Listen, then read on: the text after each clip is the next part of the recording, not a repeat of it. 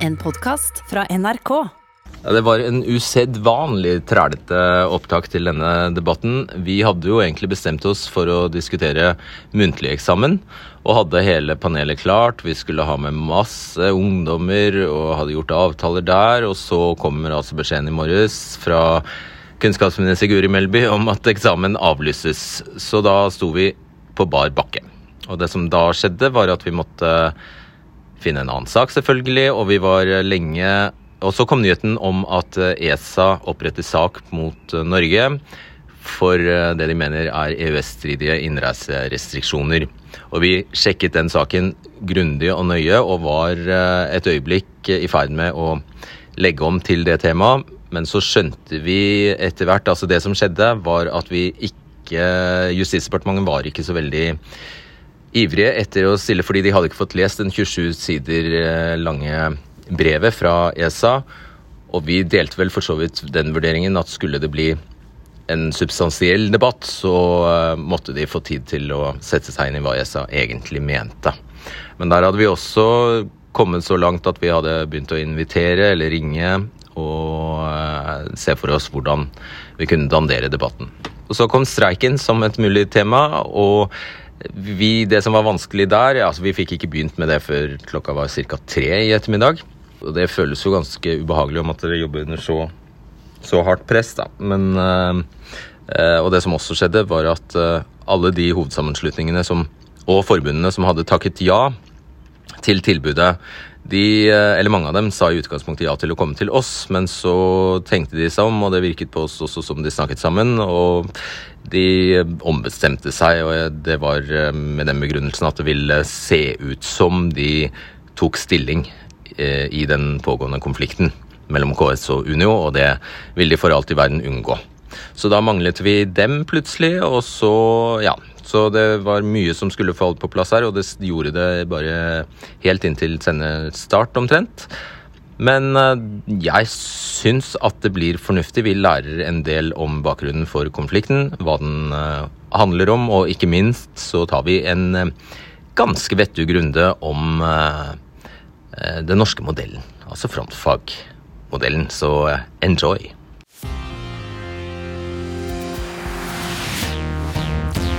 Vi sto på balkongene våre, i hagene våre og applauderte dem. De sa takk, men det holder ikke. Som førstelinjetjeneste under pandemien skal vi ha betalt i kroner og øre.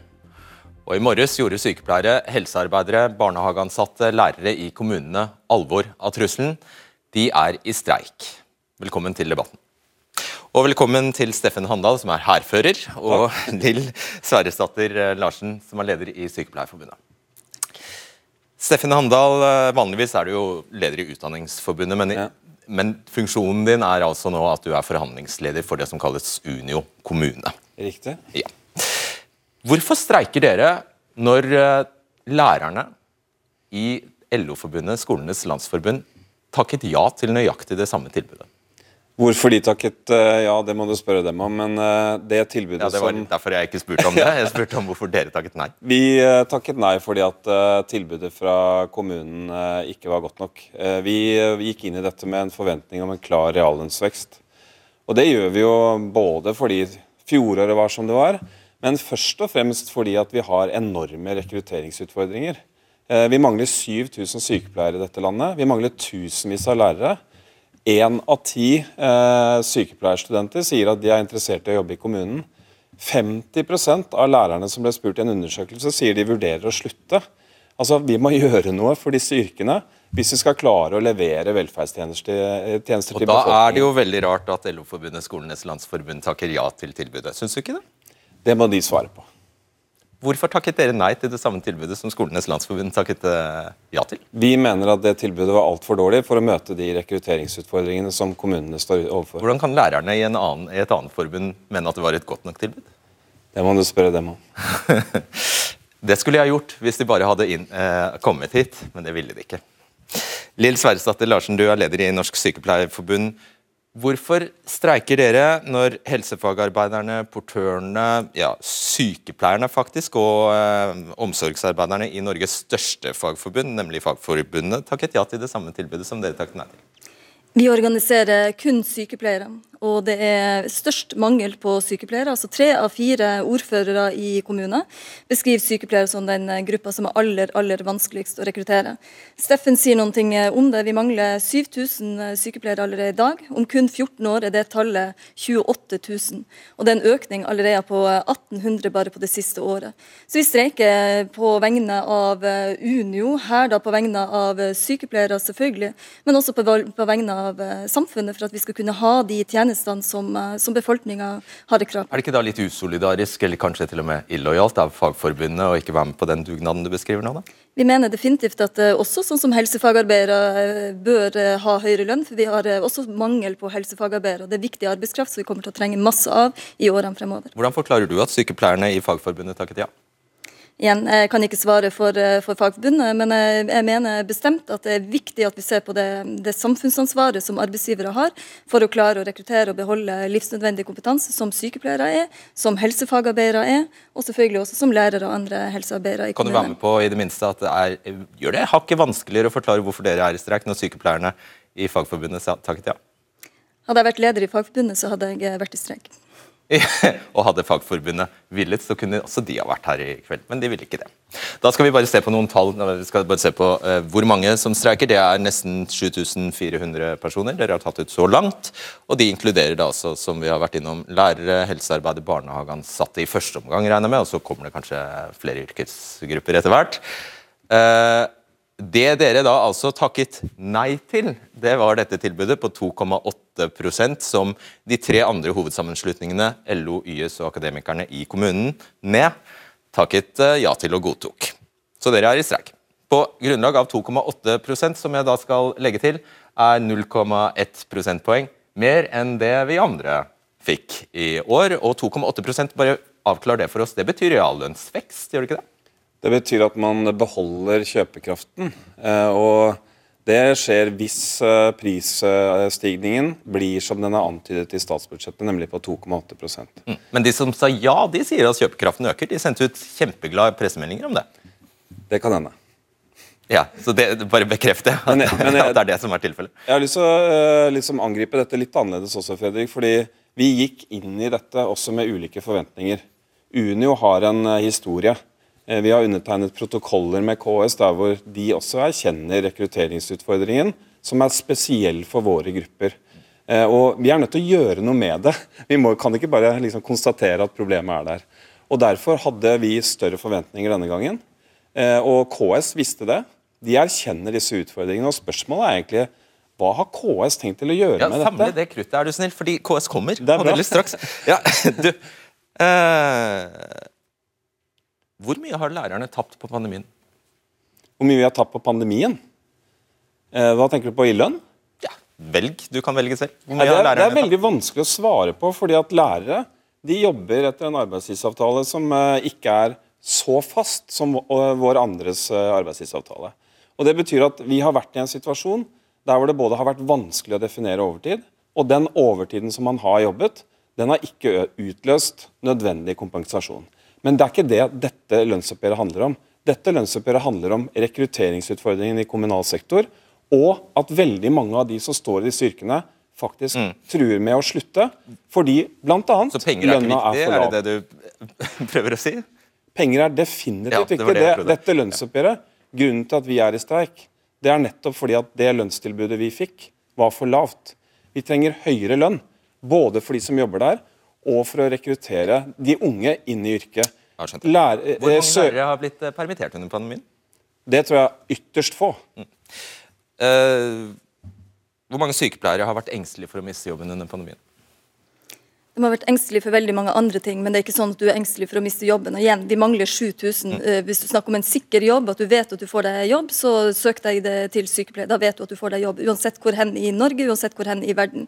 Men det er ikke nødvendigvis en sikker jobb på andre vis. Som f.eks. at det er 123 000 sykepleiere som har jobba i første perioden av pandemien uten smittevernutstyr. Uh, hadde lange vakter opptil 16 timer, omtrent uten pause.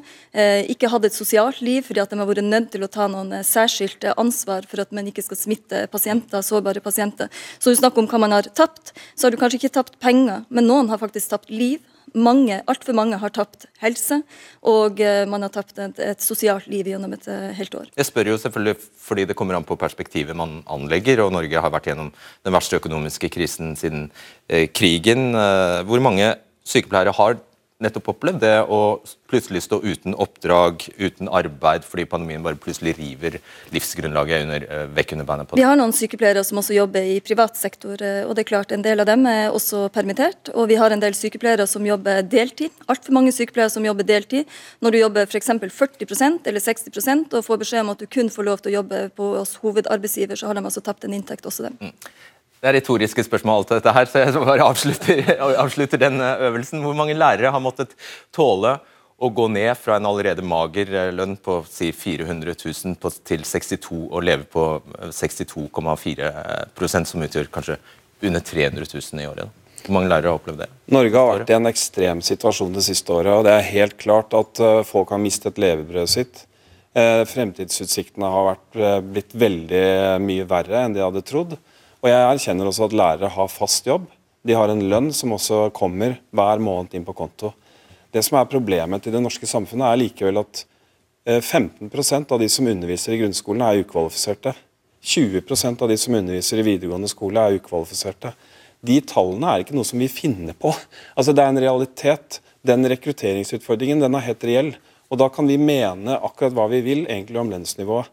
Men hvis ikke vi forsøker å bruke lønn også i dette tilfellet for å rekruttere og beholde, så syns jeg det er veldig merkelig. Hvorfor skal det være sånn for andre, men den regelen skal liksom ikke gjelde for lærere? Det er jo ikke sånn. Jeg, jeg frykter at folk flykter fra yrkene, eh, og det er grunn til å tro at noen vil gjøre det nå. Ta en pust i bakken, dere. Vi skal eh, til toppen og Nei, jeg skal ikke til bunnen av landet, men vi skal øverst og nederst, i hvert fall. Annette, til Anette Berger og Anna Maria eh, Nybakk, henholdsvis i Alta og Kristiansand. Jeg tror vi starter eh, i Alta. Ja. Der er du, Anette Berger. Du er lærerutdannet, leder og streikleder for Uno i Alta. Hvordan har det vært å organisere streiken i dag? Nei, det er klart Vi har ikke streka en pandemi før, så det gir noen utfordringer. Eh, Men når det er sagt, så har vi hatt eh, streikevakter på alle plassene som vi har uttatt eh, ansatte. Og vi har gjennomført møter med, med de streikende puljevis. Så vi får det til. Og vi har planlagt, vi har planlagt en lenkegjeng i morgen tidlig i rushtrafikken med koronavennlig avstand. Vi skal, ha, vi skal ha sykkelpatrulje, vi skal ha stands og vi skal ha møter med de streikende hvor vi skal lese opp appeller fra, fra, fra eh, fylkeslederne i henholdsvis Utdanningsforbundet, eh, Troms og Finnmark og Norsk Sykepleierforbund. Så eh, vi er klar og vi er i gang og vi er eh, forberedt. Hva sier folk, da? Nei, ve veldig mange er, tydelige på at eh, de er klare til å streike. Vi opplever jo det som han Steffen sier, vi har store utfordringer med å rekruttere både innenfor eh, for lærere i barnehage og skole, men også, eh, også innenfor sykepleie og andre eh, yrker innenfor helse. Og det er klart at det å ikke få tak i vikarer og det å stå der og ikke føle at du får gi det tilbudet som du ønsker til både barn og elever og de syke og eldre, det er utfordrende. Så våre medlemmer er klare på at KS må ta ansvar og sørge for at vi, vi får en god rekruttering fremover, og at unge velger å komme til de her yrkene. Ja, jeg skjønte at uh, spørsmålet var tvetydig. Egentlig så mente jeg, hva, hva sier folk dere møter, som ser dere? Ja, jeg hadde en, jeg hadde en ringerunde i dag til de arbeidsplasstillitsvalgte for å høre hvordan det gått, og veldig mange mellom positive tilbakemeldinger. Vi hadde en historie med et par elever som, eh, som kom til lærerne sine som satt streikevakt og hadde kjøpt sjokolade for egne penger. Så eh, det, det er veldig mange gode støttemeldinger å få. Også innbyggerne i Alta gir oss gode tilbakemeldinger. Så eh, vi, vi føler at vi har en støtte i, i folket. Hva skjer med elevene? Nei, nå er jo fire skoler hos oss er er stengt. eh, Sånn at eh, det, Og et SFO-tilbud har vi gående eh, før i starten av skoledagen og på slutten. Men eh, de fleste vil jeg tro er hjemme. Nettopp. Bare lynraskt på slutten. Jeg har skjønt at det også er streik ved legevakten i eh, Alta. Er det spesielle utfordringer knyttet til det? Ja, det er klart at nå når vi har tatt det her uttaket, så har vi jo sørga for at vi skal gjøre det forsvarlig, og vi har skåna covid-19-relatert arbeid. Eh, På legevakta har vi tatt ut en leder som er i et lederteam på tre, og vi har en sykepleier som ikke er ute i eh, som kun har administrativt arbeid per nå. Sånn at eh, vi skal opptre ansvarlig og sørge for at vi ivaretar liv og helse. Nettopp. Da går vi videre til Anna Maria Nybakk. Du er sykepleier i hjemmesykepleien i Kristiansand. Og du er for så vidt tatt ut for andre gang i streik. Ble jo ikke noe av første gangen. Eh, hva har du gjort den første dagen det har vært streik nå? Nei, Vi starta jo dagen med litt uh, møter, uh, litt informasjonsmøter. Og så var det på med den fine T-skjorta. Sysen. og så ute i gatene og markerte oss litt. Vi gikk opp på det hovedgata Kristiansand, og så sto vi utenfor kontoret. Ja, Hvordan var reaksjonene da på gata? Um, vi fikk jo litt smil og litt ekstra blikk. Fikk, det var en som ikke var like fornøyd med at vi var i streik. Ja, hva sa han eller hun? Ja. Han uh, mente at ikke det var tiden for å være i streik. så vi svarte jo ja. ja. Hva svarte du? Nei, Vi prøvde jo bare å svare så saklig vi kunne. At selvfølgelig skal jo vi også kunne gå i streik. Og det er jo, som, det er jo for, forsvarlig alt sammen. Vi har jo ikke tatt ut hele soner. Det er jo tatt ut sånn at driften skal kunne gå normalt. Det, ikke, det går ikke på liv og helse. Hva er det du som sykepleier forventer kommer ut av dette? her? Jeg håper jo det blir en lønnsøkning. Ehm, vi trenger jo flere sykepleiere. Og for å kunne rekruttere og beholde dem, så trenger vi jo eh, noe som gjør at de ønsker å søke. Eh, det er jo en veldig givende jobb, men eh, det betaler jo ikke regningene. Hele hensikten med streik er jo at det skal gå utover noen. Hva tror du de pleietrengende syns om at dere streiker? Jeg tror nok de fleste støtter oss. Det tror jeg de gjør. Ja. Vi må bare ha det. Hva, hva tjener du, f.eks.? Eh, på en 100 stilling så er det 420 000. Ja, og Du har jobbet i fem år som sykepleier, skjønner jeg? Ja, fire år. Fire, fire år, ja. Hvorfor valgte du det yrket? Eh, jeg er jo veldig glad i mennesker, først og fremst. Og så var jeg ute etter en eh, litt varierende hverdag. Um, og som sykepleier så du har jo fast jobb. Du er jo trygg, og du kan jobbe hvor du vil. Nesten. så det var vel det som lokket meg til yrket. Jeg tror at jeg våger meg på et lykke til til dere, Anette Berger og Anne Maria Nybakk. Det må være lov å si. Det er lov å si. Ja, ok, det er lov å si. Takk skal dere ha. Arbeidsgiverne i kommunene, de heter KS, er enige med lærerne i at undervisningspersonalet, det er det de kalles formelt, har hatt lavere lønnsutvikling enn andre grupper i perioden 2004 til 2019. Men årsaken er de uenige om. KS mener grunnen er at lærerne som hvis vi husker tilbake, var ansatt i staten før 2004, at de kom inn med et høyt lønnsnivå. og Så sakket de akter ut, eller de hadde noen magre år etter 2004.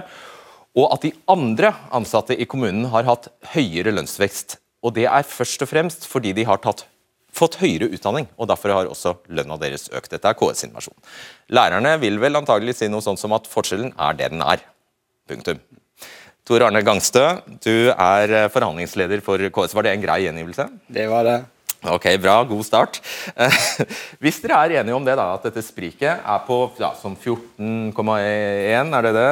prosentpoeng, hvorfor eh, finnes det noen annen måte å tette det på enn å faktisk bare gi eh, lærerne mer penger enn andre? Ja, nå, nå, er det viktig for meg å understreke at lønnsutviklinga for lærere er identisk med øvrige kommunalt ansatte fra 2010. Og det er jo sånn at du, Fredrik, helt riktig påpekt når oppsto denne skjevheten.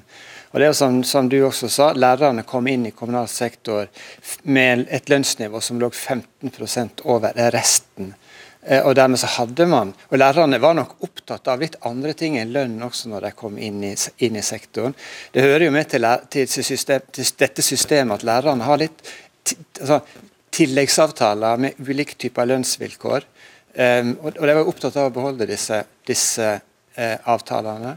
Um, men etter 2010 har lærerne hatt akkurat den samme lønnsutviklinga som i Så sånn. prøve å forstå dette her. Du setter altså startpunktet mye senere enn 2004, og da får du det til å se ut som at de har hatt samme utvikling. De setter det før, og dermed så ser man en større forskjell. Og Det betyr jo bare at når, når du får en skjevhet så tidlig i en så ekstremt lang periode som dette, så gir rentesrenteeffekten akkurat det, ut, det, det, det, det prosenttallet som vi ser at Steffen Handal bruker. Fortjener de egentlig ikke mer? er det det du sier? Nei, overhodet ikke. Vi har, Begge disse to har jo på en måte peker på viktige utfordringer. Kommunal sektor står overfor betydelige rekrutteringsutfordringer, men først og fremst på helseområdet. Så da, da går jeg tilbake til det første spør til spørsmålet mitt, egentlig, som var finnes det noen annen måte å tette dette sprikk på enn å gi dem mer enn de andre? Det, det, er jo selvfølgelig et forhandlingsspørsmål hvem som skal få tilgang på, på lønnsmidler som kommunal sektor har til rådighet. Og vi har jo forhandla om lønn i alle disse årene. Du kan jo bare svare ja på nei på det spørsmålet. Det finnes ingen annen måte. Det, altså, det er vanskelig å så, eh, vi, vi, vi, må jo sørge for at sykepleierne får lønnsutvikling, og at alle andre grupper i kommunal sektor får lønnsutvikling. Ja, ok. hva, hva sier du til det? Jeg syns eh, Tor Arne Gangse prøver seg på noen kreative bortforklaringer av det som har skjedd. Og så tror jeg at eh, Tor Arne Gangse forsøker å gjøre dette til et enkelt spørsmål om forhandlinger. Eh, sannheten er at eh, lærermangelen er enorm. Sannheten er at elever går til skolen hver dag, setter seg ned og får undervisning av ukvalifiserte. Eh, det er det problemet vi må løse, Tor Arne. Jeg lurer litt sånn på hva har du tenkt å gjøre? Hva er løsningen din? Denne gangen så foreslo du en forholdsvis lav ramme. Eh, den gikk over eh, det frontfaget sa. Den var høyere enn den, andre, den vi andre fikk. Men likevel var fordelingen helt lik i hele kommunal sektor.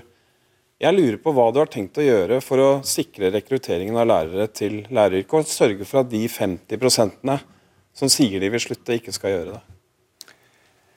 I 2019 så tok eh, KS et initiativ for å løfte lønnsnivået for sykepleiere i inneværende år, i et pandemiår, så legger vi altså fram et lønnstilbud til ansatte i kommunal sektor som ligger betydelig over resten av Norge. Så det, vi, vi, bidrar jo, men vi må understreke at lønn er ikke det eneste virkemidlet vi har for å løse rekrutteringsutfordringene. Jeg synes det kom veldig godt fram her at folk er opptatt av at de trives. og Begge disse to representerer ekstremt viktige yrkesgrupper i kommunal sektor. Men det er også yrkesgrupper med relativt høy trivsel. Det er disse yrkesgruppene med lavest turnover osv. Men, men så vil jeg understreke at både med Utdanningsforbundet og med Sykepleierforbundet så har vi jo etablert mange prosesser som handler om å se på hvordan kan vi styrke styrke rekruttering til kommunal sektor, i tillegg til å jobbe med lønnsspørsmål. Uten å gi dem penger, altså? I tillegg til å, å se på muligheten. Ikke kjempeplan, så fungerer den godt? Det er, jo, det er jo oppsiktsvekkende for den norske befolkning å høre dette svaret. Eh, når vi spør hva Tor Arne Gangstad har tenkt å gjøre med lærermangel, så svarer han at i 2019 så fikk sykepleierne et lønnsløft. Altså, eh, Er det egentlig et svar på den utfordringen som den norske befolkningen har? Som norske elever har? Og som norske foreldre hver dag sitter og ser på? At elevene deres får et mindreverdig tilbud? Er, det liksom, er svaret ditt på det at sykepleierne i 2019 fikk et lønnsløft? Men mener du at uh, lønn er det eneste virkemidlet for å gjøre det attraktivt å jobbe i norsk grunnskole? Nei.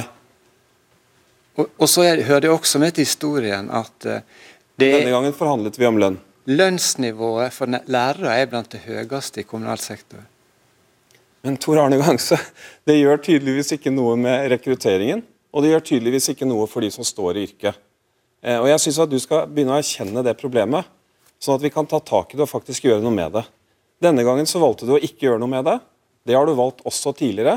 Og det er veldig vanskelig å se tilbake i historien på at her har KS virkelig gjort noe for å løse denne utfordringen. Sannheten er at eh, lærermangelen har økt. Sannheten er at det er ganske dramatiske tall for norske elever. Det høres liksom kanskje tilforlatelig ut når vi snakker om 15% og 20% men hver dag så innebærer det at veldig mange elever, altså 6 millioner timer osv. Det er veldig mange elever som sitter i en veldig krevende situasjon og ikke får den hjelpen de trenger. Er de enige, må, må bare få oppklart, er, er, er Deler dere oppfatningen om at det mangler så mange lærere? At lærermangelen er så stor? Vi har hatt lærermangel i inneværende år. Men det er klart vi jobber med, med, med, med, med, med framskrivning av behov for arbeidskraft i kommunal sektor. Det gjør vi om sammen med partene. Og Det er jo riktig som det blir sagt her, at, vi, at, sektoren har et stort behov for arbeidskraft. Men det er først og fremst et voldsomt behov for ny arbeidskraft innenfor helseområdet. Ja, men bare, svar, bare, men, bare, gjør det forståelig. For ja. er, er, du enig i at det kommer til å mangle så mange lærere? Det er det jeg prøver å svare på. Ja. For Når vi da framskriver behovet for arbeidskraft, så ser vi at det er helsearbeidere sektoren vil komme til å mangle. Men behovet for lærere går faktisk ned i en tiårsperiode. Er, uh, hvis du tar høyde for uh, utviklingen for elevtall og antall lærere som øker, så er det riktig at behovet vil bli litt mindre. Men du løser ikke utfordringen med den andelen ukvalifiserte vi har i dag. Det ligger også inne der. Så det du egentlig sier nå, det er at vi kan akseptere den andelen ukvalifiserte som vi i dag har. 15% i grunnskolen, 20% i videregående. Det er oppsiktsvekkende at du syns at det er greit. Vi mangler jo snekkere og håndverkere og alt mulig. Vi Nettopp, og vi bør gjøre veldig mye for å også rekruttere dem, og det gjør vi jo. Jeg skal, jeg, jeg kan, ja, en ting jeg kom på som vi, vi, vi jo egentlig fortjener svar på. Hva var det dere krevde da? Hvis 2,8 var for lite? altså det er vanskelig å svare på, fordi det som foregår i meklingen, det er hemmelig. og jeg kan Ja, ikke fra det Var det 10% eller var det 2,9? Jeg kan ikke si Gi oss et det. bilde! Nei, men det er, eh, Tor Erne Gangsø vet akkurat hva som Ja, skal til. du kan si det. Jeg kan ikke si om noen ting av hva, Unio krevde av lønnstillegg i meklinga, men vi vet jo hva Unio krevde i forbindelse med forhandlingene. Og det var Det var, var 3,5% 3,5, ja. Ok. Uh, du, siden du blir involvert, så skal du få eh, Jeg er veldig glad for at, eh, for, for at Gangso og KS eh, ser det behovet for, eh, for sykepleiere og helsepersonell i årene fremover. Som, som mor så vil jeg veldig gjerne ha kvalifiserte lærere også på plass. Og så er det noe med at Når vi prater om en lærermangel eller sykepleiermangel, så blir det, det blir gjerne bare, bare ord. Men det er noen som, eh, som har noen konsekvenser av det. Det er noen barn som eh, har en konsekvens av å ha en ukvalifisert lærer. Og ikke minst er det noen pasienter, brukere, som, har, som allerede i dag kjenner de store konsekvensene av at de ikke møter en sykepleier. Når de f.eks. ligger som døende pasienter og ikke får møte en eh, sykepleier. Det er alvorlig. Og, og er det noe norske folkevalgte i lokale kommunestyrer rundt omkring, så er det, det er det nettopp at dette er man ekstremt opptatt av. Å sørge for at innbyggeren får tilgang på gode velferdstjenester. Tor Arne Gangsø, er du trøtt? Ja, etter to døgn så har jeg liksom etter hvert litt behov for å sove litt, men eh, det går fortsatt bra. Du skal få lov til det nå. Tusen takk. Det er en kjensgjerning at eh, når offentlig ansatte, som meg for så vidt, skal ha lønnsøkning, ja da er det ikke så mange måter å betale for det. Man kan jo øke skattene, man kan foreta et eller annet kostnadskutt et annet sted, på et annet budsjett, eller man kan eh, tvinge andre grupper innen offentlig sektor til å gå med på å få mindre. Ingen av disse alternativene er vel spesielt attraktive i en situasjon med pandemi, vil jeg anta at du mener, Gunnar Stavrum, sjefredaktør i Nettavisen? Ja, det kan være riktig, det. Ja. Du kom, har allerede rukket å komme med syrlig kritikk av disse to her. Du sa at eh, ingen av dem Ingen av de som gikk ut i streik nå har tapt penger på pandemien, og ingen har heller risikert å miste jobben, så ergo Altså, jeg er jo ikke arbeidsgiver for verken lærere eller sykepleiere, så men det som er mitt poeng, det er at i det siste året så har vi vært i en ekstrem krise i Norge. Og over 400 000 arbeidstakere har vært eh, arbeidsledige, har vært permitterte, har tapt masse penger. Mange av de er lavtlønte personer som også jobber med, med publikumskontakt. og Det er på en måte også utsatt for, for covid-19-risiko. Og jeg syns det er litt umusikalsk at de yrkesgruppene som verken har tapt penger eller frykter for sine arbeidsplasser, går ut i streik når pandemien ikke er over engang ennå. Ja. Hva svarer du til Eller du har allerede rukket å svare han. Hva, hva svarte du? Jeg har eh, svart om at det her er jo ikke på vegne Det er jo nettopp pga. din eh, trygghet og din eh, sikkerhet både når du, eh, når du eventuelt en eller annen gang blir syk, eller dine pårørende blir syk. Det er nettopp derfor vi streiker. Fordi den sykepleiermangelen er så dramatisk og den er så stor at eh, vi ser at det er behov for et eh, lønnsløft utover den ramma som blir lagt av frontfagene i dag.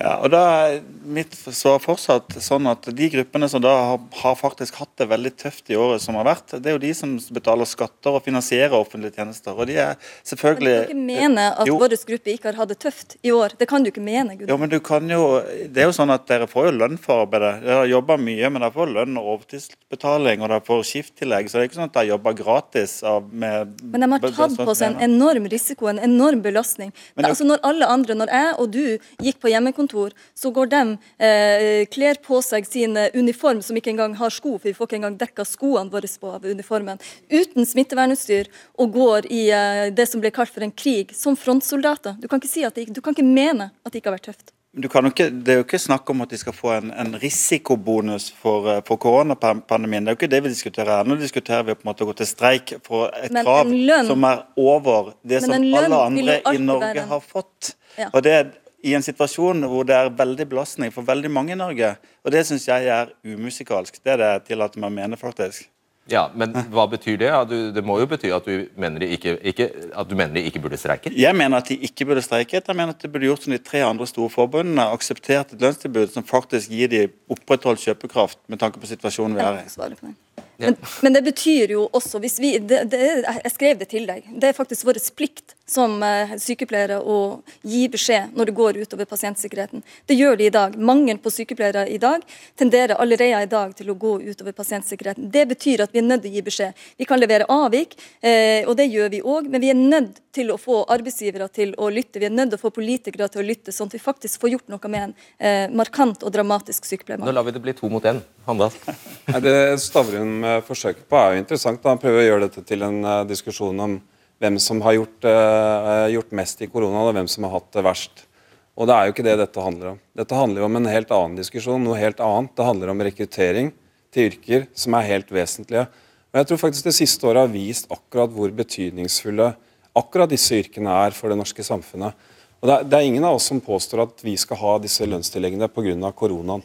Eh, så jeg, jeg skjønner ikke helt det. og det er litt sånn det er veldig typisk at dette dukker opp. Eh, jeg, jeg har til gode å se at liksom, eh, når, når, lærere og sykepleiere sier vi fortjener høyere lønn, at noen går ut og sier nei, ikke akkurat nå, men, men neste år. Eller dere skulle hatt det i fjor. Jeg har aldri hørt deg si når det passer at vi skulle gjøre noe med disse lønningene. For du mener vel helt åpenbart at lønn også har noe å si for rekruttering og for å beholde arbeidstakere? Jeg har aldri i løpet av 40 år i yrket hørt at lærere har ment at de har tjent nok. Lærere har alltid ment at de har tjent for lite. Men mitt poeng er at i år, i en situasjon hvor pandemien fortsatt er der, og veldig mange andre yrkesgrupper har gått ned i lønn, de har tapt masse penger, til og med mista jobben.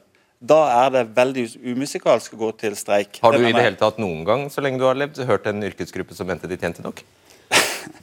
Nei, men det høres Nei, det ligger jo i sakens natur. Ingen mener det. Når Nei. kan de få lov til å streike, da? Jeg har lyst til å spørre Stavrum Jeg mener definitivt ikke, ikke nå, hvor vi, hvor vi, ikke engang er ute av pandemien. Men når?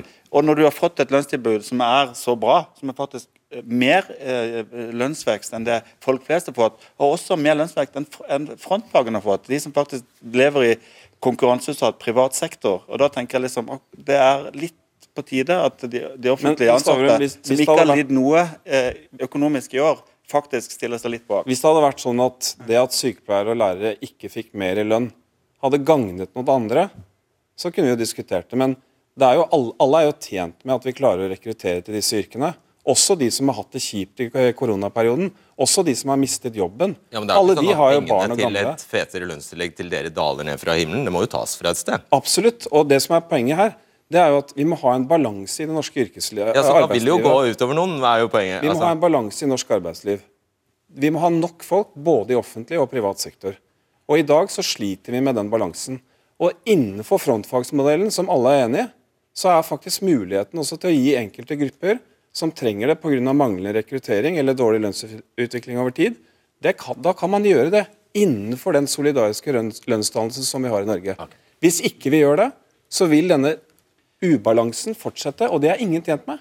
Det store problemet i Norge er jo ikke at vi har en for liten offentlig sektor. Det store det problemet i Norge er at vi har for liten privat sektor. men vi har for få lærere. Hva har du tenkt å gjøre med det?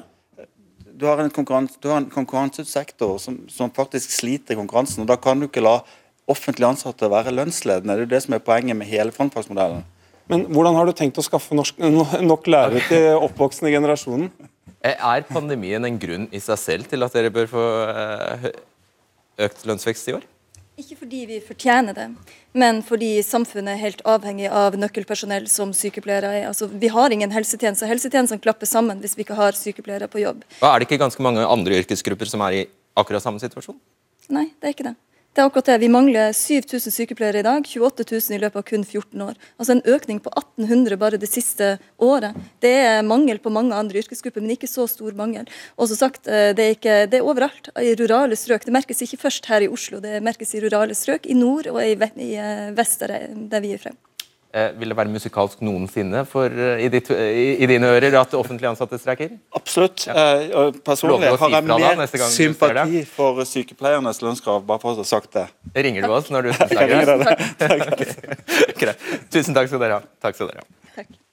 Den norske modellen, eller frontfagsmodellen, den innebærer at industriarbeiderne forhandler først og setter rammen for alle tariffoppgjørene som følger. I år ble den rammen på 2,7% og det førte altså til en svak reallønnsnedgang for de fleste av oss. Men hvis dette systemet da i årevis, hvis, jeg sier hvis, det i årevis sørger for at noen grupper, som offentlig ansatte, helsearbeidere, lærere, barnehageansatte, sakker akterut, ja, hvor lenge gidder de da å støtte modellen? Og dersom de, får, dersom de får høyere lønnsøkning enn resten, ja, da kan jo prisveksten øke helt generelt, og da kan det til slutt føre til krav om lønnsvekst i industrien. Og så har man det gående. Men ja, for da vil jo avkastningen på investeringer i konkurranseutsatt sektor bli dårligere. Da forsvinner plutselig kapitalen. Eller sagt på en annen måte, da blir det vanskeligere å selge norske varer. Og da kan vi alle være ille ute. Omtrent sånn kan det henge sammen. Kristine Nergård, eh, velkommen til til eh, deg. Velkommen Cecilie Langen Becker eh, og Jan Ludvig Andreassen. Jeg tror jeg starter med deg, Kristine Nedgaard. Du er forskningskoordinator ved, Fafo. Kan Unio klare det? Jeg tror det blir veldig krevende å få det til på dette mellomoppgjøret her, hvor eh, nå har tre av fire hovedsammenslutninger sagt ja, og all historie viser at da er det veldig vanskelig for den siste som er i streik å oppnå noe mer. Hva er et mellomoppgjør? Tariffavtalene våre er, eh, går over to år, og andre året så forhandles det kun lønn, og det er det vi gjør i år. Og det er mellomoppgjøret? Ja, og vanligvis er mellomoppgjør veldig udramatiske. De kommer ikke engang til Riksmegleren. Men i år så har det jo vært et veldig krevende mellomoppgjør i offentlig sektor. Helt uvanlig. Ja. Er det pga. korona? Uh, nei, det er nok pga. at uh, offentlig sektor uh, hadde en dårligere lønnsvekst i 2020 enn uh, industrien. Og Jeg vil du minne oss om hva som skjedde, skjedde, da. Altså Man trodde at lønnsveksten skulle bli jeg tror det var på 1,7, og så viste det seg at industrien fikk sånn ca. halvt prosentpoeng mer i lønn når man gjorde opp regnskapet. Ja, sånn cirka. Og da, mens offentlig sektor hadde holdt seg til ramma, som det heter, 1,7, og ble da, kan du si, følte seg liksom veldig uh, overkjørt. Ja, de følte at de satt igjen med et visst skjegg i, postkassa eller noe sånt noe? Ja. Mm. Cecilie Lange Becker, du er økonomikommentator her i eh, NRK.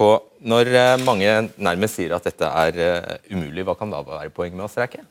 Ja, altså, det er jo ikke sikkert at man får igjen dette her eh, i kroner og øre, at uh, lærernes lommebøker blir fetere, men det kan allikevel uh, ha en hensikt.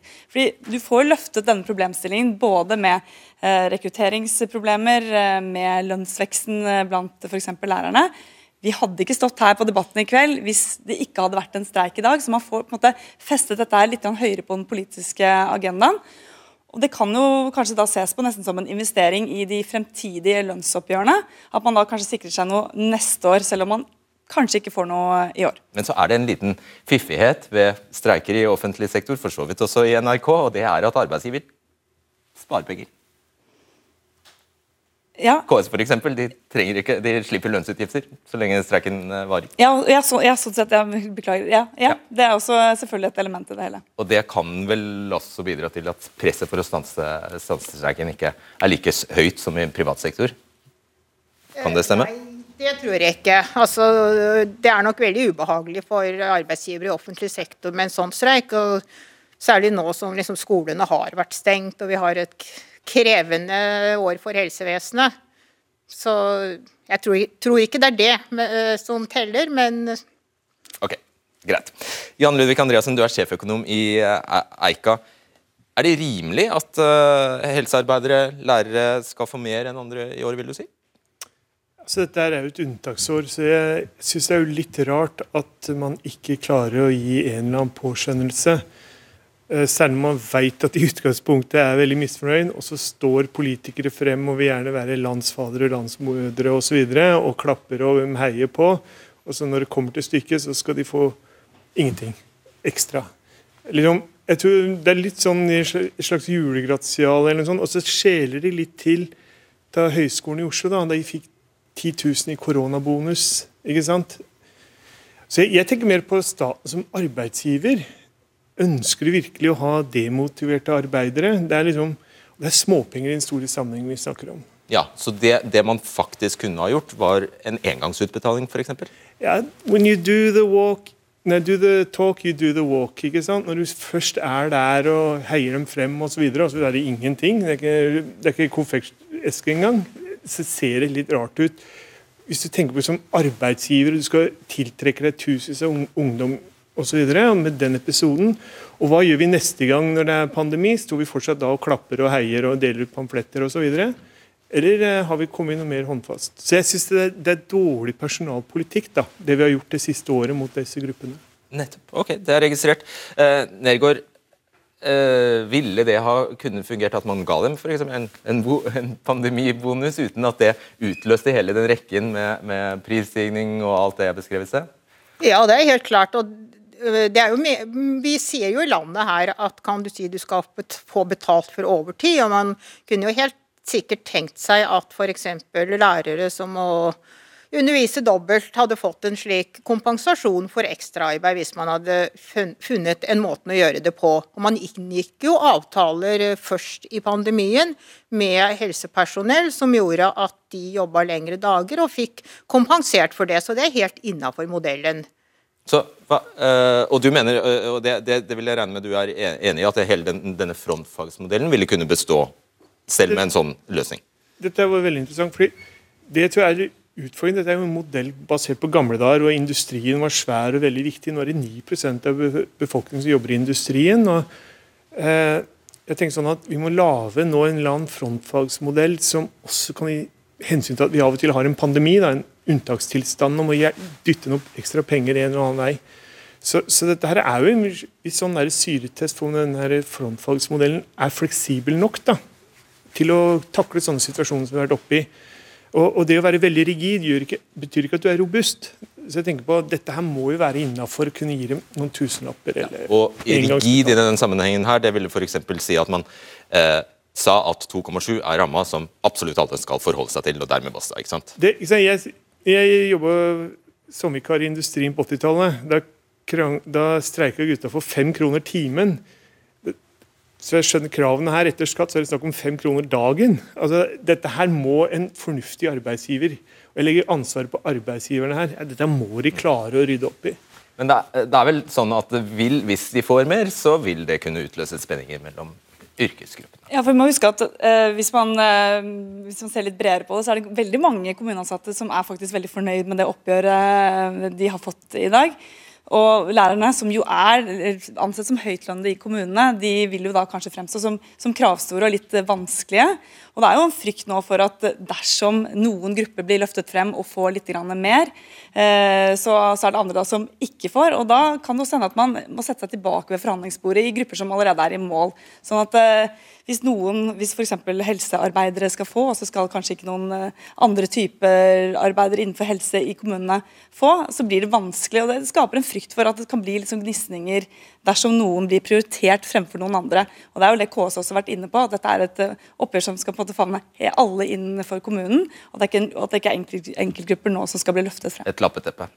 Men stemmer det, Nergård, at uh, hvis de klarer å oppnå et bedre resultat i kommunesektoren, så vil disse øvrige uh, forbundene kunne hekte seg på? De har en rett til faktisk å forhandle på nytt? Stemmer det? Har de, de har de sikra seg i, i, en klausul i tariffavtalen. De var nok litt uh, usikre på hvordan dette her ville lande. Og det, i, Hva betyr det i realiteten? Hva kan skje da? Eh, det betyr, altså, det betyr, nok at man prøver å komme fram til én felles avtale. I eh, kommunal sektor så har man én tariffavtale, altså lik tariffavtale for alle disse fire organisasjonene eller hovedsammenslutningene. Og det er nok slik at man regner, håper å komme ut med det også etterpå. At uh, man da på en måte justerer avtalen for de andre, slik at det blir én felles. Ja, Men da betyr det at Unio i realiteten har streiket for de andre, da? Eh, ja. Uh, det kan du si. Hvis de nå skulle få mer penger. Ja, det er de mer få... sannsynlig at de ikke har gjort det. Eller ja. ikke gjør det. Ja. Interessant, da. Jeg håper dette er startskudd for en ordentlig debatt om hva slags lønnsnivå skal disse folka ha i forhold til andre yrkesgrupper. Fordi Jeg skjønner at det er veldig vanskelig å gjøre noe strukturelt og systematisk med det nå. Det er jo en debatt fagforeningene må ta seg imellom, og for så vidt en, en tema for eh, valgkampen nå i høst. Skal vi prioritere opp sykepleiere eller, og, og lærere eller ikke? Og da vet jeg at du, du sikter bl.a. til at det er et vedvarende, lønns, altså vedvarende lønnspress på konkurranseutsatt uh, sektor, bl.a. ved import av arbeidskraft, som jeg, hvis, jeg, hvis jeg tolket deg rett, vil kunne, altså når, når, lønnsnivået der presses, så vil smitte jo det over på alle andre grupper i samfunnet. Alle andre må holdes nede. Og, men i hele tatt den den strukturen der, det må være Og jeg mener det her må være en rolig samtale osv. Det er ikke så vidt Vi har det alle godt i Norge. Men skal vi prioritere opp lærere og sykepleiere eller ei? Og det kan vi ta i neste oppgjør etter valgkampen med nytt storting og ferdig diskutert. Denne gangen så er det snakk om egentlig bare noen småpenger som må prøve å få dette til å skli unna til neste hovedoppgjør. Mm. Eh, skal, hva, hvor spesielt er det at alle de andre ble altså som sagt, Det finnes jo masse eksempler på lærere som er organisert i LO-forbundet Skolenes landsforbund, som da takker ja. Du har det samme situasjonen for sykepleiere i Fagforbundet som takker ja til nøyaktig det samme tilbudet som da Uno takker nei til. Er det veldig spesielt? Altså, Sist gang dette skjedde, da at Unio eh, ikke var med, det var jo 2010, så det er jo veldig spesielt. Og sant, som vi er inne på, det er et mellomoppgjør som også gjør dette veldig spesielt. Så det blir jo spennende å se hvor lenge de kan stå i det, om det kommer noen andre streikeuttak, eh, hvor raskt de setter seg tilbake ved forhandlingsbordet. Tror du det blir en lang streik? Ikke. De fleste norske streiker varer vel mellom en uke eller to, og så kommer det jo ganske fort uh, sikkert en diskusjon om man om dette her er fare for liv og helse. Og da snakker man jo lønnsnemnd, og havner en sånn konflikt som det her i Rikslønnsnemnda, så er det i hvert fall garantert at man ikke får noe mer. Det er liksom sånn oh ja. Politikken til Rikslønnsnemnda den er veldig konservativ. Så de har jo alt å vinne på å komme fram til en avtale. Så det er det som henger over dem, liksom?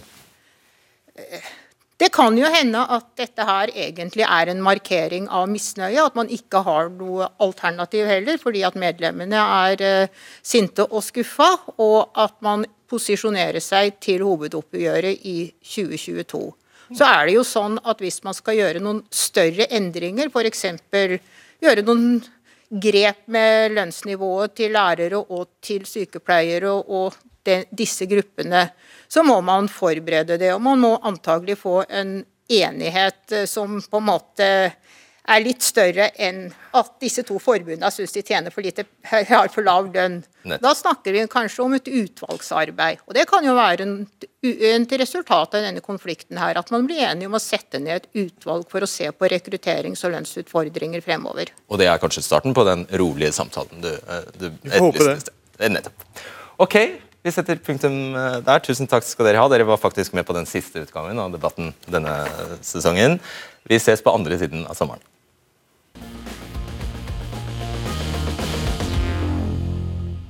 Ja, det var som sagt siste debatten før uh, sommeren. Uh, jeg har alltid tenkt at dette med sesonger, TV-sesonger var rart, og at de slutter altfor tidlig, lenge før det er faktisk sommer.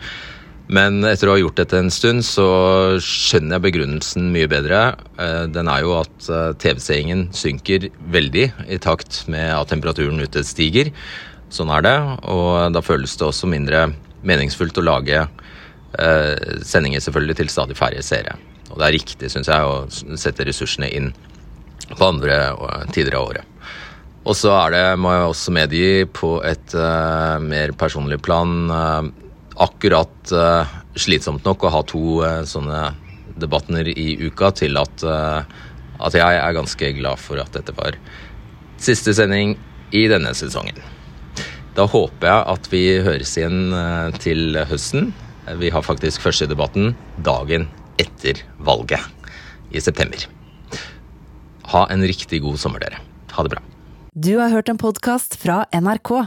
Hør flere podkaster og din NRK-kanal i appen NRK Radio.